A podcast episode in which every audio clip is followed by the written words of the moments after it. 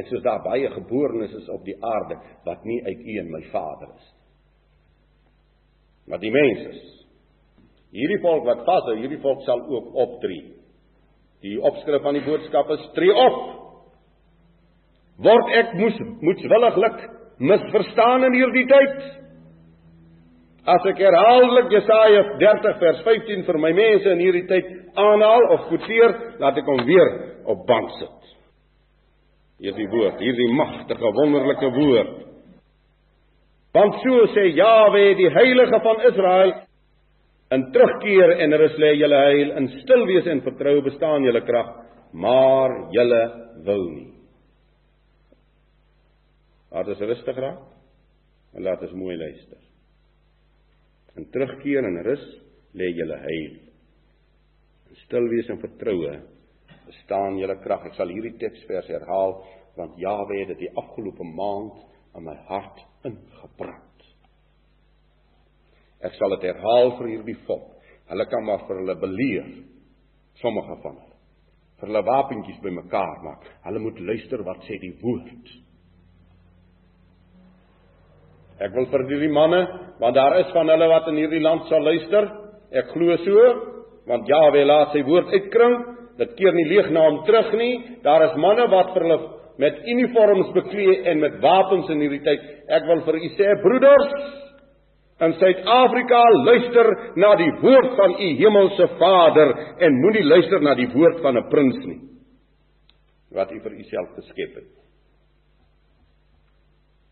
Daar is geen antwoord in die politieke stelsels nie. Daar is geen antwoord in die wapengeweld nie. Daar is geen antwoord in die godsdienstige opvoerings en gefeinste skynheilige gebede nie. Daar is geen uitvlug uit hierdie sogenaamde goeie bedoelings nie. Om te sê ek het nie geweet nie, om wegkruipertjie te speel, is geen antwoord. 'n volk wat allerlei uitweë en oplossings soek, maar nie die die woord van my Vader nie. Nie die waarheid van hierdie woord nie. Hy het net een pad voor hom en dit is vernietiging. Dit maak nie saak wat hy bymekaar maak nie en maak nie saak watter slim planne en oplossings hy soek nie. Die een wat nie terugkeer na die woord van Jawe en in die waarheid van hierdie woord nie, vir hom is daar geen antwoord nie. Ek wil vra teen wat en teen wie wil wie optree? Ek praat nie met u politiek nie. Ek praat met u, die woord van my Vader.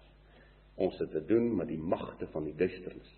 Ons het te doen met maghebbers wat optree om die verbond te verbreek.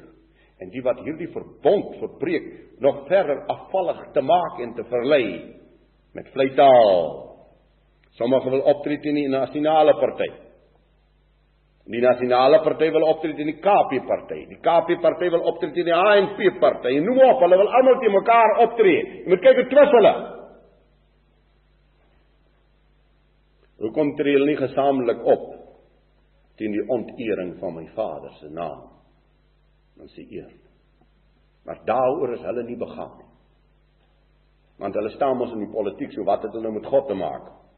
Jy sien, dis die tragedie. Dis die tragedie. Moet iemand eendag vir my gesê, jy moet jou uithou uit die politiek uit want dis 'n vuil saak. Dis ek genade en dis dis die Christene wat dit bedryf. Ek dank die Vader vir môre ek is los. Maar ek sal kan praat daaroor. Kan uitwys daaroor. Hoekom tree ons nie op teen die drankmisbruik in ons land nie? Hoekom tree ons nie op teen die pornografiese materiaal in hierdie land nie? Hoekom tree ons nie op teen die sabbatsontheiliging in hierdie land nie? Hoekom tree ons nie op teen die sportgod van hierdie land nie? En nog hoeveel afgode in hierdie land nie? Hoekom tree ons nie daarteen op nie? Nee. Teen wie wil hulle optree? Ek wil vir u vra teen wie wil hulle optree? Dit tragies as 'n mens nie jou vyand ken nie. Sê ek hoeveel tyd is daar nog nie dan? nie meer veel nie. 'n Man vra nou die aand in Ceres vir my, sal hom maar sê wie hy en watter posisie hy beklee nie. Hy vra vir my hierdie vraag, nog nooit het iemand dit vir my gevra nie. Het die manne wat besluit het dat die boereoorlog aan die uitloop van die vorige eeu moes plaasvind, het hulle reg of verkeerd gebesluit? Sê ek kan nie sommer sê ja of nee nie. As jy ek omstel se vraag sê nee.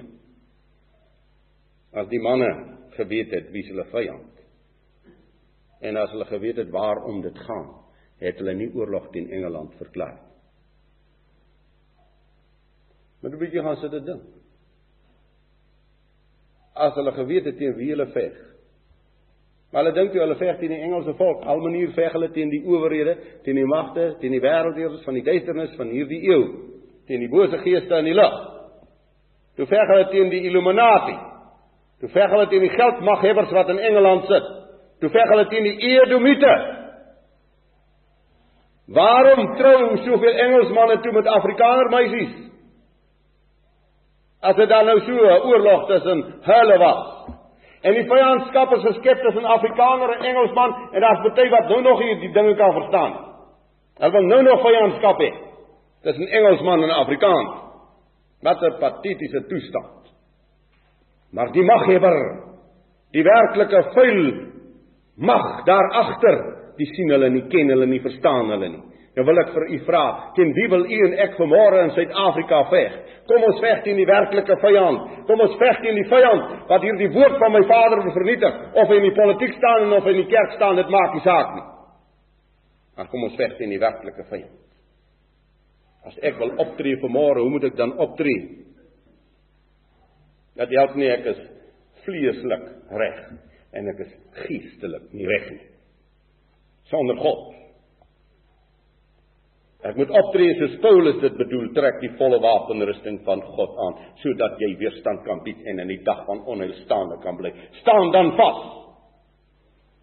Gewapen met die toerusting van jou Skepper. Ek het nie vanmôre 'n geweer in my hand nodig nie. Nie dat ek onverskillig is en sê jy kan maar maak soos jy wil nie.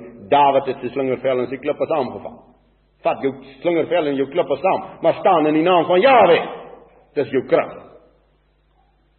Ek moet optree soos dit soos Paulus dit vir ons voorskryf. Hoe Daniel opgetree toe hy verhinder word. Hy het gebid. Toe word hy verhinder om te bid, toe bid hy nog steeds. Daar lê sy krag. Hoe het Stefanus opgetree? Vreesloos het hy vir hulle gesê: "Julle sit vas in julle ou tempeltjie. My Skepper woon nie in 'n tempel wat met hande gebou is nie. Van 'n mens nie. Hy woon Die die hemele is sy troon en die aarde is die voetbank van sy voete. En toe maak hulle hom daaroor dood omdat hulle 'n tempeltjie aantas. Dat ek sal optree in die gesag en in die majesteit van die koning van die ewigheid. Dat ek sal optree teen die valse godsdiens. Dat ek sal optree in die naam van Jahwe Almag. Ek het dit al gesê en ek herhaal dit. Daar's mense wat bekommerd is oor hulle werk, gaan staan voor daardie baas van jou en sê vir hom: "My vriend, ek staan hier in die naam van Jahwe, die heilige van Israel. As jy met my handel, dan handel jy ook met my Skepper." Dink jy wat 'n krag het dit?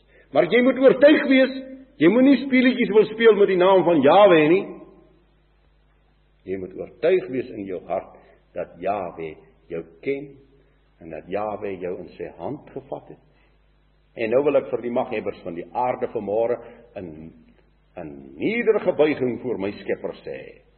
Hulle sal die oorblysel van my verlosser en van my koning sal hulle niks aankom maak. En as hulle dan wel my vlees vernietig sou word, ek lewe. Ek lewe vanmôre en ek lewe in sy hand en ek lewe ewig. Liewe kinders, terwyl julle ou predikant dit so lank preek, luister. Maak seker in julle hartjies. Jahwe ken my. En as ek optree, tree ek op in hierdie magtige naam.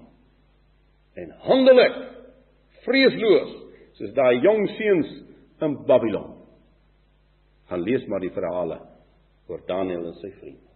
Amen. Ons Vader. As U vir ons oproep deur die môre om op te tree, laat ons dan in U naam optree. Laat ons in U krag en in U vermoë optree. Onder laat ons dit ondervind en leer en oefen vir ons daarin wat dit beteken om op te tree in U naam. En laat ons hierdie magtige woord vreesloos dra oor hierdie land aan vriend en aan vyand dat hulle sal weet wie Jahwe is. Ons bid dit met danksegging. Amen.